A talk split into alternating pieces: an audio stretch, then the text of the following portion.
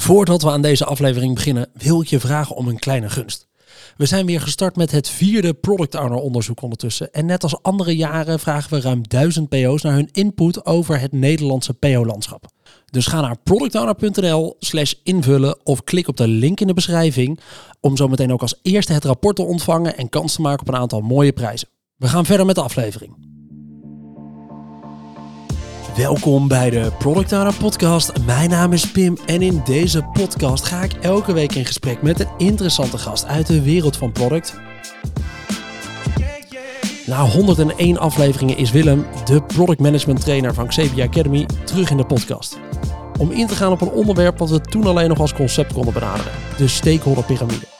Want hoewel we het al vaak hebben gehad over stakeholders, blijft het de skill die PO's graag willen ontwikkelen. In deze aflevering gaan we daarom in op de benadering van verschillende stakeholders, wat je op orde moet hebben en hoe je aan de slag kan om van je lastigste stakeholder je beste contact te maken. Willem, leuk man, 101 afleveringen later, terug in de podcast. Vorige aflevering is ruim duizend keer geluisterd, dus volgens mij genoeg reden om er eens even wat verder op in te gaan. Ja, zeker. Leuk dat ik er weer mag zijn. Dankjewel. Ja. Wat is nou de grote misvatting over stakeholder management? Uh, de grote misvatting, nou ik weet niet of het er één is, maar uh, een grote misvatting is denk ik dat we het er even bij doen. Of dat we er onbewust in ons hoofd, of uh, in ons hoofd wel mee bezig zijn, maar niet per se iets expliciet maken. Ja. En op het moment dat dan er een lastige stakeholder is of er een lastige situatie is, je eigenlijk vooral frustratie en nou ja, ellende voelt en niet zozeer voorbereid bent om er iets goeds van te maken. Ja. Ja, dus dan blijf je gewoon, dan denk je, ach, we pakken het erbij. Het gaat om een product en die stakeholder die volgt mijn product wel. Ja, nee, ja dat ja. Ik uh, stel vaak uh, de vraag uh, aan, aan product owners of in training of op de werkvloer van hoeveel, hè, hoe actief en hoeveel tijd spendeer je nou aan stakeholder management en hoe ziet jouw aanpak eruit? En vooral ja. die laatste, hoe ziet jouw aanpak eruit? En eigenlijk is het meest gehoorde antwoord, ja, dat heb ik in mijn hoofd wel een beetje. En goed, in, in jouw hoofd leeft ook wel een beetje de visie en ook een beetje de strategie en ook een beetje de doelen. Dus het is ook misschien soms wel goed om een aantal van die dingen eens uh, concreet te maken. Ja. En, Zou je echt een plan moeten hebben voor hoe je omgaat met je stakeholders? Nou, dat klinkt wel heel erg groot weer. Ja. Dus uh, een één grote plan voor de aanpak van al mijn stakeholders is denk ik echt ja, een waste of time. Dus die zou ik vergeten. Maar je gaat wel ontdekken dat er een aantal key stakeholders zijn waarvan het misschien wel handig is om eens even wat langer over na te denken dan alleen uh, wat wil die van me en waarom wil die dat en uh, nou laten we het snel afhandelen. Ja, oké, gaan we bouwen tot de volgende keer, uh, dan spreken we elkaar wel weer. Precies, ja. ja. ja hij was bij de review was hij een beetje aan het duwen en dan hebben we het even over, nou dat is wel een beetje lastig, nou oké, okay, en weer door en verder. Nou, misschien kunnen we daar wel eens een keer iets meer tijd in steken om te kijken wat we daar uit kunnen halen. Ja, mooi. Ja, we hebben het al echt, stakeholders is een veel besproken onderwerp hier in de, in de afgelopen 100 afleveringen. Uh, maar ja, het is ook wel het onderwerp wat altijd weer goed geluisterd wordt. Mensen willen er altijd weer even wat meer van snappen. Wat is nou een ander inzicht hierop? Wat is een verschillende benadering? En ik denk vanuit jouw ervaring als uh, met name ook wel trainer en consultant in deze hoek, uh, kunnen we hier wel weer wat van leren. En ben ik ook wel weer benieuwd wat ik ervan kan opsteken. Nou, dat legt de bar heel hoog. Ja. Dus uh, ik zal zeker niet zeggen dat ik de expert ben of dat nee. ik je even ga zitten vertellen hoe het allemaal werkt. Nee. Absoluut niet. Ik denk wat we vooral hebben geprobeerd te doen is gewoon door veel gesprekken met veel PO's en uh, door veel ervaring op te doen en uh, veel luisteren, veel praten. Het is te kijken van hey, hoe kunnen we het nou handig groeperen en samenvatten, zodat we vooral ja. ook de product owner een heel praktisch middel geven om, uh, om aan de slag te gaan met de, de uitdagende stakeholders. Dat lijkt me een mooi doel voor deze aflevering. Het een beetje praktisch maken en, uh, en op die manier een soort benadering zoeken. En waar ben je op dit moment druk bij, uh, bij Xavier Academy? Wat, wat houdt je bezig? Ja, wat mij bezighoudt is product management en product owners. Ja. dus wat we nu vooral aan het doen zijn, is een wat uitgebreidere leerpaden aan het maken. We zien veel hele toffe trainingen, standaard Scrum Bedorg, Product Owner, Product Owner Advanced de ja. trainingen. Heel leuk. Mensen komen twee dagen naar de klas. Ga dan weg uh, met heel veel inzichten en ideeën, maar vaak weinig echt praktische veranderingen in hun eigen werk. Dus daar zijn we nu mee bezig om dat veel concreter en praktischer te maken. Ja. Um, dus het is een goede basis. PSPO 1, 2 dagen helemaal, helemaal top. Maar ook daarna met je eigen product een aantal dagen aan de slag om echt een stap verder te komen. Ja. Uh, dus daar hebben we een aantal leermodules voor. En die zijn we nu volle bak aan het uitbreiden, uitbouwen, uh, bij klanten aan het uitrollen. Ja, en wordt het dan bijna een soort coaching? Want dan ga je dus echt kijken naar het huidige product en hoe ze daarmee omgaan en wat je daarin kan ontwikkelen? Ja, dan gaan we van die termen als hybride ja, zitten tussenin. Zo, nou, goed, weet je, waar het mij vooral om gaat is dat... Uh, dus, Helpen, dus, ja. ja. het is een beetje ja, het is een beetje coaching. Dus vooral uh, mensen komen één dag in de klas, leren een aantal praktische of uh, leren een aantal theoretische modellen. Ja. En we helpen ze dan om in een week of twee keer daartussen, tussen de volgende trainingsdag, het ook echt praktisch toe te gaan passen voor hun eigen product. Leuk. Ah, mooi. Nou, dat vind ik een leuke aanpak volgens mij. En ik, uh, ik voel wel dat daar waarde in zit. Hey, als we het nou hebben over dat product management, als je daar dan toch zoveel van je tijd aan besteedt, zie je op het moment grote verandering eigenlijk hierin? Of uh, blijft alles een beetje hetzelfde als een paar jaar geleden? Uh, nou, het is denk ik sowieso in beweging. Ik, ik weet niet of er opeens helemaal grote nieuwe dingen zijn. de twee dingen die mij persoonlijk opvallen, die ik de laatste tijd erg veel terug zie komen, en ook allebei al bij jou in de podcast zijn geweest. Dus ja. misschien ook wel daarbij een driver om het beroemd te maken. Maar de twee dingen die ik veel zie nu is uh, product discovery. Dus ja. beter gaan ontdekken van wat gaan we dan eigenlijk bouwen. Is iets wat ik veel terug zie komen. Ja. En product-led growth. Dus natuurlijk ook oh, een mooie sessie over geweest. Daar zie ik ook bij ons intern veel terugkomen, veel vragen naar. Um, dus dat zijn denk ik de twee grootste. daarnaast, enerzijds vind ik het tof om te zien dat bij veel klanten die we spreken, dat steeds de productgedachte en de productgedreven organisatie steeds meer overhand krijgt. Ja, wordt sterker hè? Ja, wordt sterker ik zie ook wel, het is wel interessant, dat je ziet een beetje Q3, Q4 afgelopen jaar toch een soort, ja, recessie is misschien een groot woord, maar wel wat uh, decline in alles wat er speelt. Dat er ook, nu ik nu in een klas kom, dus we hebben het een beetje januari, februari zitten we nu, hè, uh, van 24, dat veel klanten ook wel merken dat er toch wel best wel een soort hoop grote projecten gestart worden. En uh, die fietsen dan eigenlijk wel weer een soort van dwars door die productorganisatie heen. Ja. En dat vinden ze uitdagend. Dus dat is misschien een beetje de tegenbeweging die we dan ook zien nu. Ja, precies. We hebben toch ook wel gewoon grote projecten die we gewoon als organisatie. En oh ja, dan moeten dan vier teams aan werken. Ja, dan moeten die teams dat even gaan uitzoeken, dus dat in sprints gaan doen. Ja, het kan een beetje een stuip zijn uit ja. de, de recessie. En dat we toch, uh, ja, we moeten wel winst blijven maken. Dus nou, we hebben een groot project bedacht en uh, let's go. Ah. Ja, dat is zo jammer. Het is jammer dat het dan zo dwars door die uh, productorganisatie heen fietst. Oh, mooi. Ja, ik vind het leuk. Volgens mij een leuke registratie van, van dingen die ik ook echt wel zie, uh, zie gebeuren. Hey, laten we eens even inzoomen op die stakeholder piramide. Want ik weet nog heel goed, aflevering 10, we waren net begonnen met de podcast. We namen ergens op bij een hogeschool, mochten we gratis de radiostudio gebruiken. En nou, jij was een van de eerste gasten die bij me aan wilde schuiven.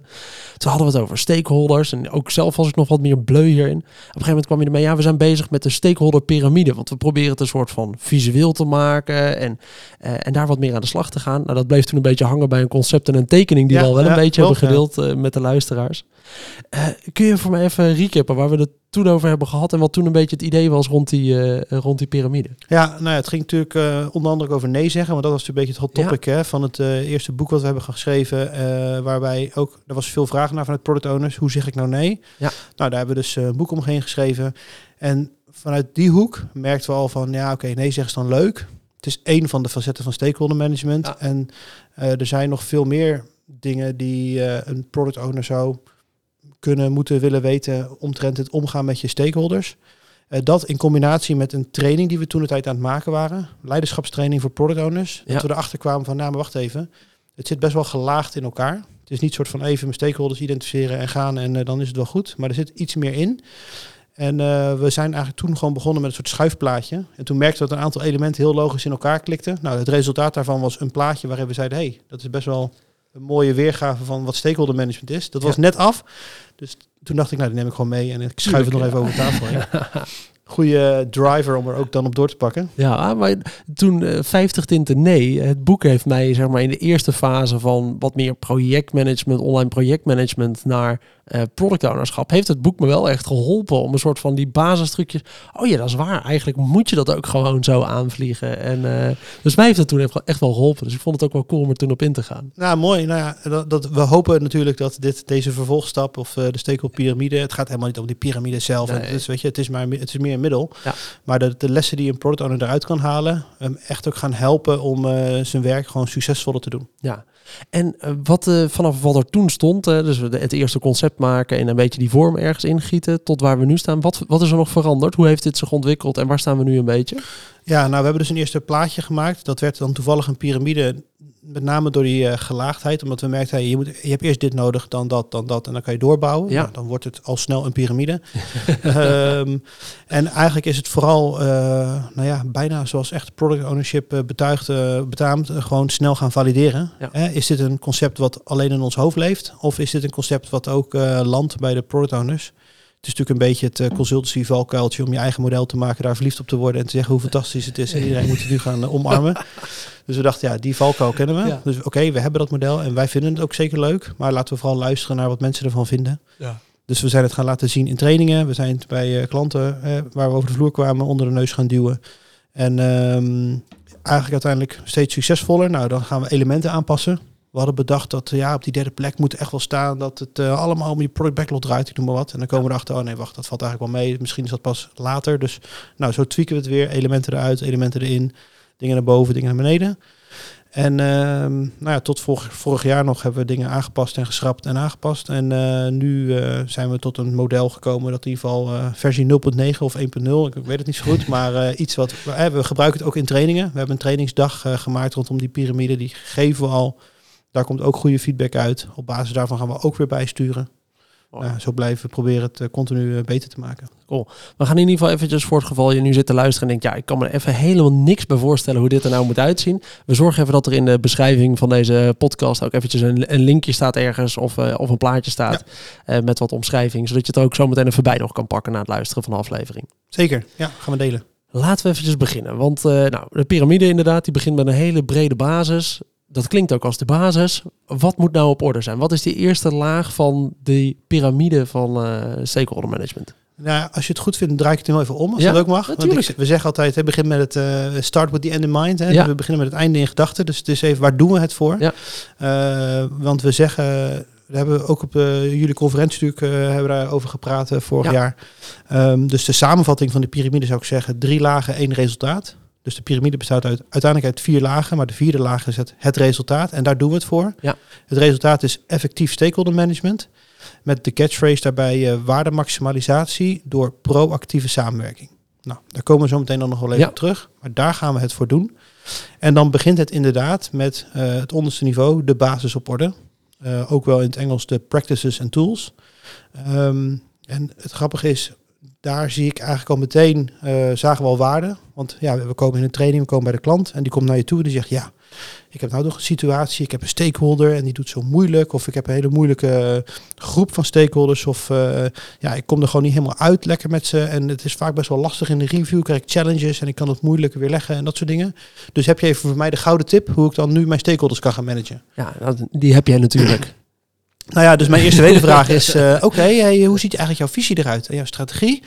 Heb je een, een beetje een roadmap? Nou ja, ja, dat heb ik wel in mijn hoofd, maar uh, ja, en dan, en dan stopt het al een beetje. Ja. En denk, nou, daarom noemen we die onderste laag de basis op orde. Ja. Want daar zit eigenlijk alle elementen in die je wat ons betreft nodig hebt om ook echt goed stakeholder management te kunnen gaan doen. Oh. Um, dus denk daarbij aan de volgende dingen. Laten we eens even beginnen met het identificeren van onze stakeholders. Ja. Dus uh, welke stakeholders heb ik allemaal? Uh, dat kan een simpele stakeholder map zijn of wat andere aanvullende practices of tools. Gewoon in kaart brengen uh, wie zijn dan nou echt mijn stakeholders, zodat ik ook kan gaan bepalen wie zijn dan de belangrijke stakeholders. Ja. Misschien heb je al te maken met een aantal mensen die waar je achterkomt helemaal niet zo belangrijk voor jou zijn. Ja, dan is het ook misschien niet zo erg als dat niet zo lekker gaat of als dat wat moeilijker gaat. Dat komt dan later wel. Maar voor nu, wie zijn mijn stakeholders? Ja. Nou, dan, daar, daarnaast zijn er ook dingen als, uh, dus wat ik zei, visie, strategie, roadmap, en ja. product backlog, eigenlijk een beetje dat vierluikje van uh, de standaard product management activiteiten die je eigenlijk altijd hebt, wat voor een product dan ook. Visie, bouwen, waar gaan we heen, strategie, hoe gaan we daar komen, wat gaan we dan precies doen op onze roadmap en de product backlog om het echt uh, tactisch operationeel uh, te maken, zeg maar. Ja. Als ik dat heb, dan is de vraag, ben jij wel eens, ben jij ook kortcyclisch iets aan het valideren? Dus ben je aan het leren met je product? Want, dat noemen we dan uh, uh, frequente waardelevering. Om heel chic te klinken. ja, een beetje goed klinkt allemaal. Ja, maar goed, het, het komt erop neer. Ben je in staat om af en toe iets te leveren en te valideren? Want zolang je dat niet doet, dan blijft het eigenlijk ook een beetje een papieren exercitie. Dan kunnen we heel veel discussie hebben over de volgorde van de epics en de roadmap en uh, alles wat erop staat. Maar zolang we niet iets af en toe aan het leveren zijn, nou, dan blijft het ook een aanname en dan blijft het een discussie. Dus ja, als jij kortcyclisch dingen levert, helpt dat jou om te laten zien wat de uitkomst is van de dingen die je bepaalt. Ja, dus het iteratief proces met die, die check daartussendoor, die is eigenlijk essentieel voor je om je stakeholders überhaupt op de hoogte te houden van hey, dit zijn we aan het doen. Is dit inderdaad ook wat je wilde dat we gaan doen? Nou ja, precies. Zeker. Ja, het is mooi als een deel van de app is opgeleverd, helemaal goed, want dan kunnen we het erover hebben wat de uitkomst daarvan is. en dus iets wat daar nog aan gekoppeld zit, is iets van een, ja, laat ik het even een value dashboard noemen. Maar maak jij je de uitkomsten van je product inzichtelijk, op welke manier dan ook. Desnoods op een, een post-it of in een Excel of wat dan ook. Als je me wel nadenkt over of laat zien wat de uitkomsten zijn van de dingen die je hebt gedaan. Ja, ah, die is wel leuk. Want alles wat, hier, wat we net zeggen is, je kan het enerzijds als heel groot zien en je moet het perfect hebben, maar vaak is niet het streven hierin dat alles perfect moet zijn. Want dan maak je het jezelf heel lastig, ga je hier veel te veel tijd eigenlijk aan besteden. Ja. Er kan ook al vaak een hele basisachtige methode voor zijn en dat is genoeg. Want je zei als eerste, dus wie zijn je stakeholders? Nou ja, een stakeholder map. Ik ken mensen die hem volledig uit, uh, uitwerken in dat modelletje van uh, uh, informeren. Ja. welke vier stappen heb je ook weer? De... Ja, de, de power interest ja. grid, zeg maar. Hè? Dus wat is de macht van de stakeholder versus hoeveel, wat is de invloed van de stakeholder ten opzichte van hoeveel belang hebben ze? Ja. En dan ga je ze inderdaad informeren of je gaat ze actief betrekken en dat soort dingen. Ja. Ja, weet je, begin daar heel simpel mee. Mijn aanpak is meestal ik ga naast de product owner zitten. We pakken een stuk whiteboard, zo groot mogelijk. We schetsen dat kwadrant even op. En Ja. eigenlijk gaat het met name om beginnen met stickertjes te plakken. Met alle namen van stakeholders. Eh, zodat we een eerste schifting kunnen maken. Dat we erachter komen wie de echte belangrijke eh, spelers zijn. Ja, ja, en ik maak hem zelfs vaak nog heel veel simpeler als ik er bij een nieuwe klant binnenkom. En ik moet gewoon even snel begrij- begrijpen, oké, welke producten hebben we allemaal? Dus we hebben het team, ja, welke producten vallen er binnen het team? Oké, van die producten, wie zijn dan de belangrijkste klanten? Ja, we hebben intern die. Is er nog eentje die heel vaak heel moeilijk doet? Ja, deze. Oké, even een streepje eronder. En eh, wie zit er in zijn team? Moet ik die, betrekken we die ook? Ja, die houden we ook wel op de hoogte. Oké, dus dan, dan hebben we nog zo'n ploegje erachter, Ja. cirkels eromheen, die moet ik op de hoogte houden. En vaak is dat voor mij al genoeg, want ik weet iedereen die moeilijk doet, die krijgt van mij de eerste weken superveel aandacht. Ja, ja heel goed. Ik zit er op het moment dat jij even heel druk bent, dan ben ik ook bij je in de buurt, dan zie je dat ik er ook ben. En, eh, eh, dus ja, dat is vaak heel simpel al beginnen, zo'n stakeholder mapje. Daar hoef je niet eh, een, eh, een week aan te besteden om dat perfect uit te denken. Nee, zeker niet. De vraag die ik nog wel eens krijg ook is... Ja, maar wat als ik nou iemand vergeet? Nou, of die persoon zal zich echt wel kenbaar maken op een gegeven moment. Hè? Hallo, ik ben er ook. Ik heb met mij, je hebt met mij ook te maken. Ja. Oké, goedemorgen. En als je iemand vergeet, ja, weet je, dan is dat wat er gebeurt. En of je ziet hem later en dan ga je alsnog eh, aan de slag. Of eh, dat komt dan wel. Tuurlijk. Het minste wat, je, wat ik in ieder geval probeer te doen, is even met iemand spiegelen uit het team zelf. Of eh, iemand Ja. die ergens een beetje boven je staat. hey, klopt het dat dit de mensen zijn? Ja, ja Oké, heel goed. Super, go. Hetzelfde geldt voor je zijn het visie, strategie, roadmap en product backlog. Ja, om dat allemaal goed op orde te hebben, dat is eigenlijk de droom van iedereen. Maar de praktijk wijst een beetje Zeker. uit dat, nou, wie heeft ze alle vier nou 100% met een vinkje erachter? Nou, er zijn er een aantal die maken er een studie van. Ja, Ik, kijk, weet je, het, eh, daar kunnen we heel lang en, eh, en kort over zijn. Wat mij betreft gaat het met name om... Het zou mooi zijn als je het iets meer eh, concreet maakt dan dat je het in je hoofd hebt. Ja. Nou, met de product backlog lukt dat wel, want die heb je gewoon nodig. Dus die staat in je Jira of je Azure DevOps of Ja. eh, je Basecamp of je Trello of wat dan ook. Ehm, maar kijk, visie en strategie, zeker voor interne producten. Ja, we bouwen een datahubje voor onze af- afnemers op de andere afdelingen. Ja. Oké, tof. Schrijf toch eens even in een zin op welk probleem lost het op. En eh, wat heb je dan als je succesvol bent? En hoe ziet dan de toekomst eruit als, dit, eh, als, dit, als dat die andere afdeling echt volledig geserviced wordt door jullie? Ja. En wat zou je dan nog meer met je product kunnen? Ja, Nou. en al heb je inderdaad zo'n intern product, dan is het alleen al fijn voor je team vaak om te begrijpen, hey, wat ligt er dan voor ons achter? Hè? Als we nou dit allemaal aan het eh, voor elkaar moeten, moeten krijgen zo snel mogelijk, waarom doen we dat dan? Wat, wat ligt er dan over een half jaar voor ons? Ja. Eh, dus het hoeft niet eens drie jaar vooruit te zijn, maar gewoon als je alweer een half jaar even een blik vooruit werpt, hey, hier gaan we naartoe, dit is voor ons nu belangrijk. Zeker. Eh, en dit is de manier waarop we er komen, dan is dat ook al wel genoeg. Ja.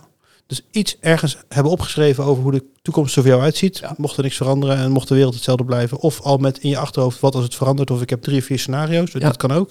Er zijn verschillende soorten roadmaps en eh strategie canvas voor. Maar ja, iets eh, dat je het wel concreet hebt.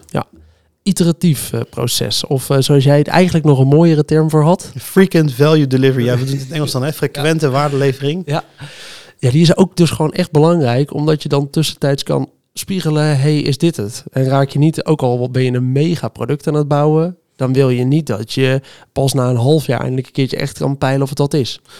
Zeker. Ja, nou kijk, ehm, de mensen die misschien wel eens bij mij in de training hebben gezeten, die kunnen het ondertussen hopelijk dromen. Want er is één zin die ik eigenlijk 645 keer per training probeer te herhalen. Soms 646 keer. Dat is namelijk eh, waarde blijft een aanname totdat je het hebt gevalideerd met ja, de marktplaats. Noem, ja. Ja. de marketplace, het is een Engelse zin. Ja. Hè, maar waarde blijft een aanname totdat we het uiteindelijk gevalideerd hebben met de gebruiker. Laat ik het dan even zo zeggen. Ja. En eh, we zijn vaak, is mijn ervaring, toevallig vorige week zat ik bij een klant, zag ik hetzelfde gebeuren. Best wel veel tijd kwijt aan praten over de volgorde, praten over wat we gaan het kwartaal gaan doen, welke epics. Nou, dat is belangrijk. Dat moeten we ook doen. We moeten er goed over nadenken. En we moeten ook begrijpen dat zolang we niet zeg maar iets aan het bouwen zijn, eh, wat we uiteindelijk kunnen gaan valideren, of het dan helemaal af is of een proof of concept of een klein stapje, nou prima. Maar zolang we dat niet doen, blijft het gewoon een aanname. Ja. En dan kan je ook naar je stakeholders toe. Ik ga liever met een soort resultaat onder mijn arm naar de stakeholder toe en zeggen: hey, dit hebben we gevalideerd, dit hebben we geleerd, we zijn bezig met je. Eh, eh, nou ja, we, we hebben echt iets gebouwd of we hebben een deel van de epic opgeleverd en dit is wat we zien of dit is waar we nu staan. Dat is krachtiger dan, eh, nou, we gaan volgende week aan de slag waarschijnlijk, zoals Ja. het er nu uitziet misschien, als het mee zit. Ja. Oké, nou, daar kan ik niet zoveel mee. Check. Ik probeer altijd al van tevoren, als, als het iets van een UI heeft in ieder geval, hè, dan kun je al even iets van een tekening maken. Ja, eh, prototyping of zo, Ja. fantastisch, ja super. En gewoon heel simpel, al is het even op een whiteboard beginnen. Eentje die ik laatst wel had, is dat we dan, oh cool, dan gaan we dit uitwerken. Dus we willen dit allemaal hebben. Nou, even een Figma designtje gemaakt met die stakeholder. Ja, oh, nou, dit- hier zou ik helemaal gelukkig mee zijn. En dan ga je vervolgens terug meer met de developers. Oké jongens, als we dit willen bouwen. Ja, maar Pim, dan zou ik wel even liever dit en dit er even nog uit willen halen. Oké. Dan kunnen we met een kleinere versie starten. Dan ga je hem steeds verder afpellen. En uiteindelijk kom je dus drie weken later bij die stakeholder terug met... Oké, maar het eerste wat we gaan bouwen is dit. Alleen dit stukje maar. lijkt nergens op van je eerste design. Maar oké, dat eerste design blijft nog steeds wel een doel. Maar we weten gewoon dat dat echt even wat verderop ligt. Dit is het eerste wat we gaan leveren zo meteen. Nou ja, en als je, als je dat als je goed expectation management doet, dan zou dat ook nog prima kunnen zijn. Dan denk je, oké, nou ja, dan is dat wat het is. Ja.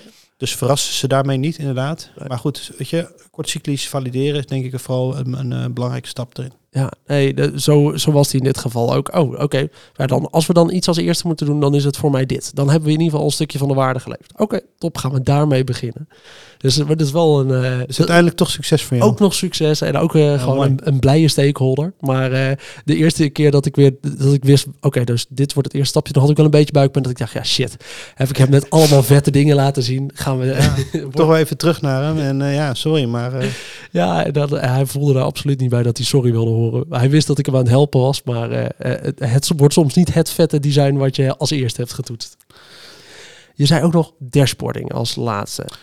ja, dus we hebben dan product analytics of value dashboarding. Kijk, waar het om gaat is dat het helpt ook wel als jij data gaat verzamelen van je product. Dat is eigenlijk een beetje de korte samenvatting. En dat hoeft echt wat mij betreft niet eh, in amplitude met eh, 695 triggers of zo. Ook mooi hè, als je hoe meer data je hebt, misschien ook nog wel eh, ergens op een kantelpunt. Maar eh, het is wel goed. Ja. Ehm, het is voor sommigen, en dan doe ik dat met name even voor de wat zwaardere stakeholders. Het is ook wel goed soms als je kan laten zien wat de uitkomst is van het werk wat je doet. Ja. De impact die het maakt. Nou, daar gaan we het zo meteen nog over hebben ook hoor. Maar in een wat, wat, wat bredere context misschien. Maar als je wel kan laten zien, hey, we hebben iets gebouwd. eh, het, en dit is wat het doet. Of dit is wat het niet doet. Ehm, al is het alleen al om te laten zien, hey, we hadden gedacht dat met deze nieuwe Facebook login feed dat we echt gewoon veel meer eh, gebruikers via socials kunnen on- ontsluiten. En eh, mensen gebruiken het niet. Want redenen, nou dat weten we misschien nog niet eens, maar we zien wel dat er geen gebruik is. Nou, dan Ja. hebben we in ieder geval dat datapunt. En op basis van zo'n datapunt kunnen we dan weer het gesprek hebben. Ja. In plaats dat eh, nou ja, de welbekende hippo, hè, highest paid person's opinion, gewoon schreeuwt dat we iets moeten doen. Dan gaan we het doen en dan werkt het niet, ofwel, en dan weten we het niet. Nou ja, maak het inzichtelijk, want dat helpt ook om op een slimme manier het gesprek weer te voeren. Mooi. Laten we eens naar eh, laagje 2 toe gaan. Eh, we hebben het gehad over die basislaag, de practices en tools. Ja, de basis hebben we op orde, als het goed is. Ja. Dus dan gaan we een niveau hoger. Nou ja, wat ik net zei, eigenlijk als eerste, we hebben geïdentificeerd wie onze stakeholders zijn. We weten ook hoe de visie, strategie, roadmap eruit ziet. Dus dan weten we ook voor de komende periode wie het belangrijkst voor ons gaat zijn. Ehm, dus dan gaan we naar de tweede laag. En dat is eigenlijk de laag van relaties bouwen. Dus we gaan ook echt proactief aan de slag om een relatie uit te bouwen met de mensen die, waar het voor ons voor belangrijk is. Ehm, daarom zei, eh, zeiden we net al, het, het stakeholder management hoeft voor mij niet een heel enorm plan van aanpak voor al je stakeholders te zijn. Eh, een van de key elementen in die tweede laag, daar begint het wat mij betreft mee, is stakeholder management strategie. Ja. Met andere woorden, welke, en ik weet het niet hè, 1, 2, 5, 10, maar heel veel meer zou ik niet mee beginnen, want dan wordt het inderdaad wel echt te zwaar. Eh, welke 1, 2, 5 key stakeholders zijn voor mij, hè, kunnen voor mij echt impact hebben op het product? Of zijn voor mij van wezenlijk belang? Nou, een aantal van die vragen kan je jezelf stellen. Ja. Nou, dan zijn dat de stakeholders waar ik tijd en energie in moet gaan steken. Op een manier waarbij ik dus vanuit mezelf intrinsiek echt die relatie ga bouwen. Nou, daar wordt die al wel snel uitdagend. Want je zal maar net die ene, nou goed, dan gaan we natuurlijk rollen noemen. Dan noemen we het altijd de verkeerde, want dan voelen mensen zich uh, aangesproken. Wat ik snap. Maar weet je, we hebben net die ene manager, net die ene architect, net die ene developer van het andere team. Ik noem maar wat. Nou, dus dat soort mensen, daar kom ik achter. Die heb ik hard nodig. Um, ja, dan moet ik dus, leer ik nu, uh, actief een relatie mee gaan bouwen. Dat kan wel lastig zijn. Want je mag iemand soms gewoon niet, of het is gewoon moeilijk om daar de connectie mee te krijgen, of ze zijn heel druk, of naar allerlei redenen. En dan is dus de vraag, hoe ga ik dat nu doen? Ja, zeker. Die, die voel ik wel. Soms kom je ergens binnen en je hebt altijd een paar mensen die zijn al vanaf het eerste moment dat je binnenloopt al heel blij dat je er bent. En uh, oh natuurlijk, we gaan samenwerken. En je hebt er een paar die blijven op afstand. Maar je weet wel, die gaan wel belangrijk ergens zijn. Ja. Maar zij gaan de relatie niet voor ons opbouwen. Nee, en je hebt ze hard nodig. En dan is het best wel, ja, kan het best wel een soort menselijke reactie zijn om uh, ja, dan te voelen van, nou, weet je, ik laat het wel even. Het is wel moeilijk, ik moet de tijd gaan investeren. Ik ben al druk genoeg, ik heb genoeg te doen. Ja. En uh, we zien het wel, laat het op zijn beloop. Doe ik ook echt nog wel eens hoor. Dus dat ja, is, uh, ik, ik, zit hier niet als de persoon die het allemaal fantastisch doet. Nee, laat nee, het ook even een keer gezegd hebben. Maar het is wel goed om je er bewust van te zijn dat als je er toch in gaat investeren, dat je er op de lange termijn, middellange termijn, echt heel veel uit kan halen. Ja, nee, ik, ik voel hem zelf ook en ik heb hem zelf ook nog wel eens hoor, dat ik denk, ja, oké, nu misschien niet het allerbelangrijkste, laat hem nog maar even een beetje op afstand. En uh, hoe gaan we die nou weer, uh, hoe moet ik die nou warm gaan maken en dat soort dingen. Zijn er praktische manieren voor? Wat, wat werkt nou eigenlijk gewoon als een standaard eerste stapje die je zou kunnen zetten met dat soort mensen? Heb je er tips voor? Um, ja, kijk, dit hebben we in de vorige podcast ook besproken. Ja. Dus ik ga het toch maar weer zeggen. Het begint eigenlijk met jezelf. Dus Ja. je moet jezelf even in de spiegel aan gaan kijken. En eh, toch even dat, dat, dat interne drempeltje over. Ja. En dus dat noemen we dan bijvoorbeeld ego. Check your ego. Ja. Daar is, is die toch weer. Ehm, ik vind het moeilijk om met deze... Hè, dus ik doe dat echt wel eens. Dan ga ik nou bijna fysiek voor de spiegel staan. En dan kijk ik mezelf aan en denk... Ja, ik moet met deze persoon aan de slag. Ik vind het echt lastig. Want redenen. Allerlei redenen om het niet te Ja. willen doen. Eh, maar als ik dit wel doe... Wat zou ik hier dan uit kunnen halen? Dus stel eens voor dat het me wel lukt. En ik stel me even open voor deze persoon. En eh, we gaan aan de slag. En het wordt succesvol. Hey, dat zou best wel tof kunnen zijn wat we dan bereiken met elkaar. Ja. Dus dat is denk ik echt de eerste drempel. Ehm, tof boek. Ehm, the Question Behind the Question. Is dat een, kan ik echt aanraden. Het is een heel kort boekje, kan je snel lezen. Gaat echt over personal accountability. Dus wat we op de werkvloer vaak zien is, we zijn heel goed om aan anderen uit te leggen hè, eh, wat ze anders of beter moeten doen. Ja, je moet wel dat en dit en dat. Dat is een beetje, oh, mijn, mijn livelihood is dat. Hè? Als consultant ben ik iedereen Ja. te vertellen wat ze anders moeten doen. Dus ja, oké, ik moet af en toe ook even bij mezelf weer te raden gaan. Ehm, maar eigenlijk kan je niemand veranderen. Je kan alleen jezelf veranderen. Hoe ik in een situatie sta, daar kan wel allemaal dingen vinden van iedereen. Maar ik kan vooral mezelf aanpassen. Dus het begint al vaak met, met het begint eigenlijk met twee vragen. Eh, hoe kan ik of wat kan ik? Ja. Nou, en als je daarmee begint, dus hè, hoe kan ik nou deze relatie beter gaan uitbouwen? En dan acties bij mezelf leggen om die stap te maken. Wat kan ik doen om deze persoon beter te begrijpen? Ja. Als je die dat soort vragen gaat stellen, dat zou een eerste, denk ik, goede stap, startpunt zijn. En er zit ook nog wel eens, eh, voor je gevoel heb je nog wel eens de aanname erbij. Ja, maar hij is zo druk, hij heeft geen tijd voor mij. En daar zit volgens mij altijd dat stukje dat je, je moet ze bewust maken hoe belangrijk jouw product ook voor hun is. Zeker. En vaak weten ze dat wel, maar hebben zoiets, ah, ik ben druk met andere dingen. Maar als jij voor hun duidelijker kan maken dat je bezig bent met iets nieuws wat voor hun wel eens impact kan gaan maken, ja. oké, dan krijgen ze langzaam aan het gevoel van betrekking. En wat ik nog wel eens wil doen is ze op een plek zetten dat ze een beetje de voorkeur ook wel kunnen doorgeven. hey, ik heb moeite om deze keuze te maken. Kun je me eens helpen? Ik heb eigenlijk deze drie scenario's vanuit jouw positie. Wat zou jij denken hierover? Om hulp vragen, hè, of laat ze het voor je invullen. Ja. Nou ja, dat, dat zit een beetje in die... ehm, hè, als we door die andere stap even heen gaan, dat Ja. zit hier een beetje doorheen ge- ge- gewoven, denk ik. Dus het begint met eigenaarschap nemen en eh, dus die personal accountability, daar hebben we het over gehad. Ja. Eh, dus het, het, het, het begon met het eh, meer eh, in strategie gieten van je stakeholders. Dus we hebben die twee of drie mensen gekozen. Nou, dan ownership en accountability. Ja. Dan zit het een beetje in de hoek van eh, empathie en betrouwbaarheid. Dus empathie tonen, eh, betrouwbaar zijn. Dus dat je ook gewoon zegt wat je doet, doet wat je zegt. Allemaal van die, eh, eh, van die dingen zitten erin.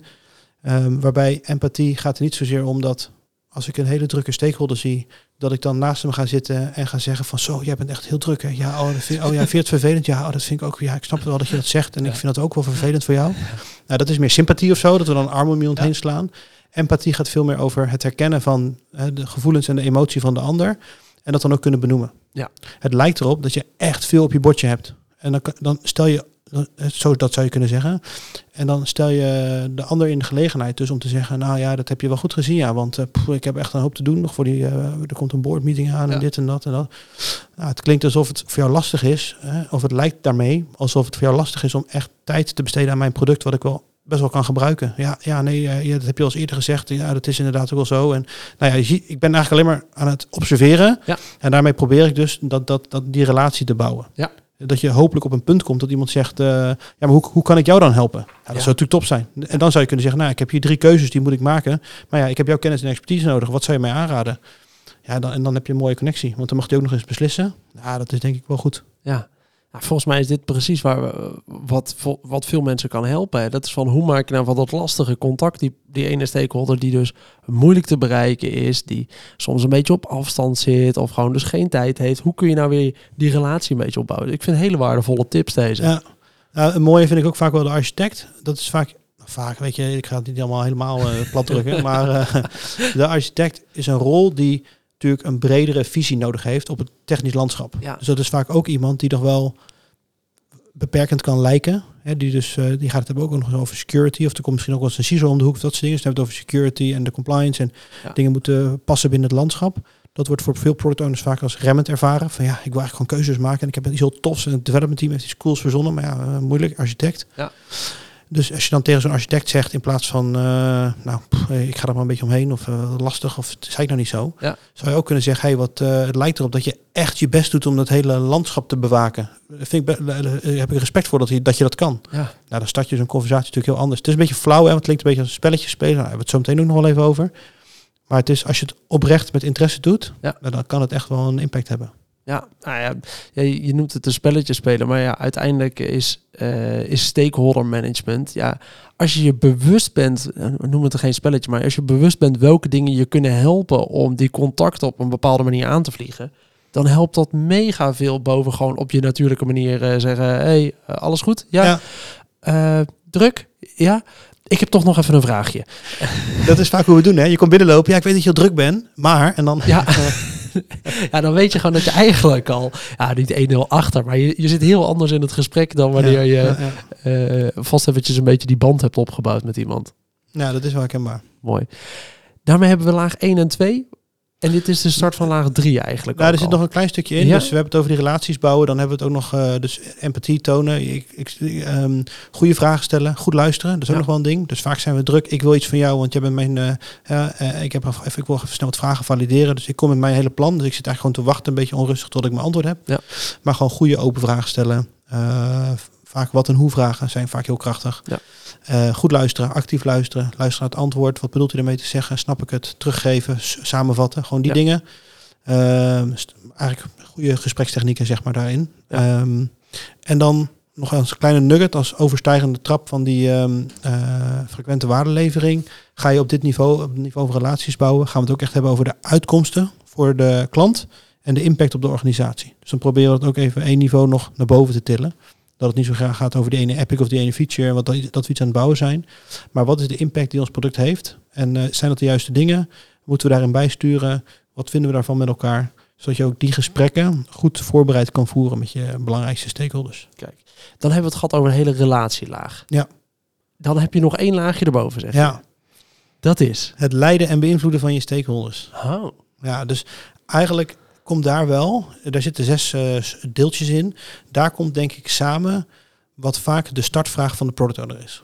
Dus inderdaad, hey, ik vind het heel moeilijk om nee te zeggen tegen deze paar stakeholders. Of ik heb best wel druk op mijn roadmap, omdat heel veel projecten tussendoor fietsen. Ja. En hoe ga ik hier nou uh, met mijn projectmanagers, uh, waar ik mee te dealen heb, hoe ga ik dat nou teruggeven? Of uh, ja, mijn, ik heb een manager op een andere afdeling die wel uitdagend is. En, of ik heb drie stakeholders die alle drie zichzelf even belangrijk vinden en vaak met elkaar daardoor uh, een beetje elkaar in de weg zitten.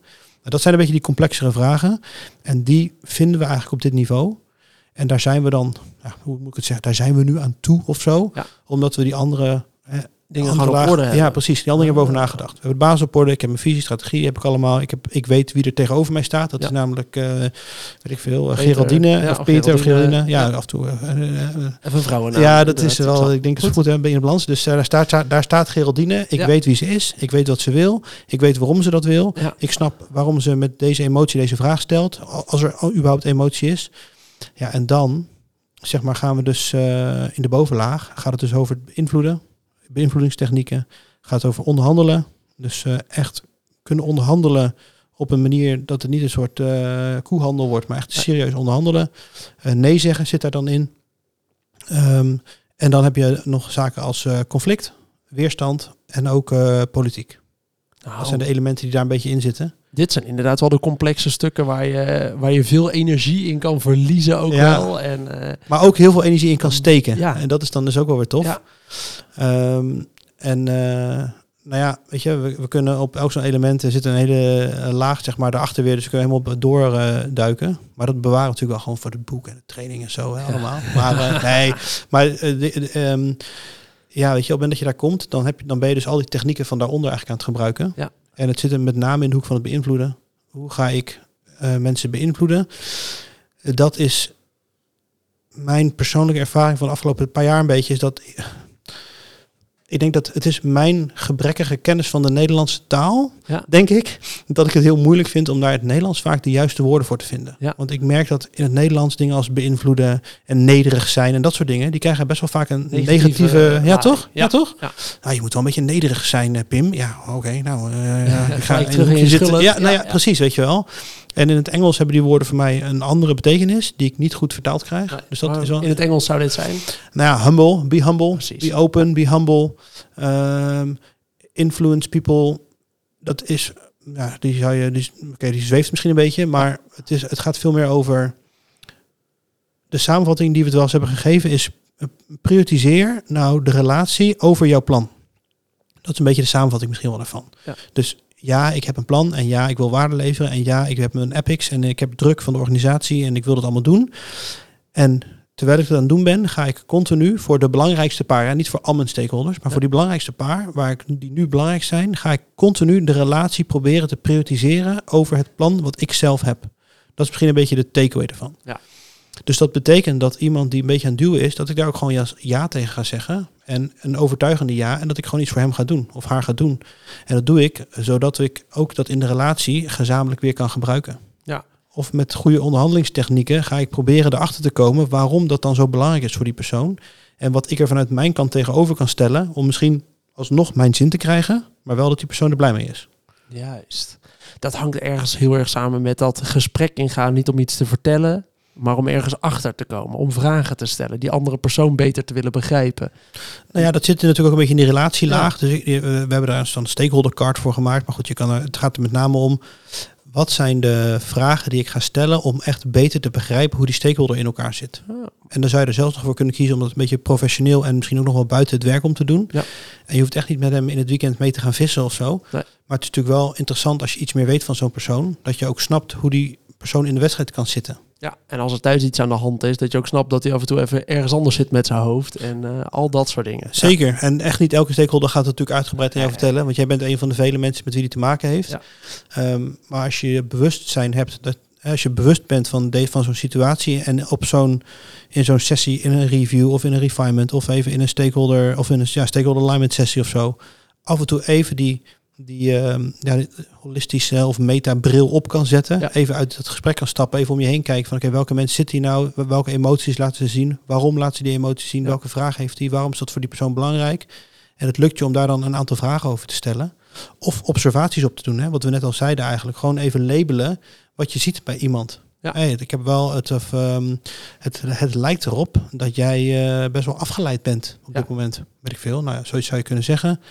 Waarbij dan de, het, het, het, in de, de, de theorie wordt wel beschreven dat je zo min mogelijk dan met ik begint. Ja. Hè? Hey Pim, ik zie dat je best wel afgeleid bent. Want dat is natuurlijk gewoon, dan gaat het over mij, wat ik waarneem. En helemaal niet meer over wat er bij jou gebeurt. Ja. En het enige wat gebeurt is dat je aangevallen voelt. dus eh, Laat me met rust. ja, precies. Ja. Dus daar moet je natuurlijk wel een beetje over nadenken. Ja. Hè, maar eh, je kan best wel zeggen, hey Pim, het lijkt alsof je best wel veel in je hoofd hebt. Ja. Best wel een mooie opening volgens mij. Ja. Om gewoon eens eh, het gesprek te gaan. Ja, Mooi. Ja, deze zes die zijn inderdaad gewoon zo groot. Daar kunnen we nog eens een keer een hele losse aflevering op elk onderwerp. Hè? Hoe zit het nou met beïnvloeding? Hoe zit het met politiek?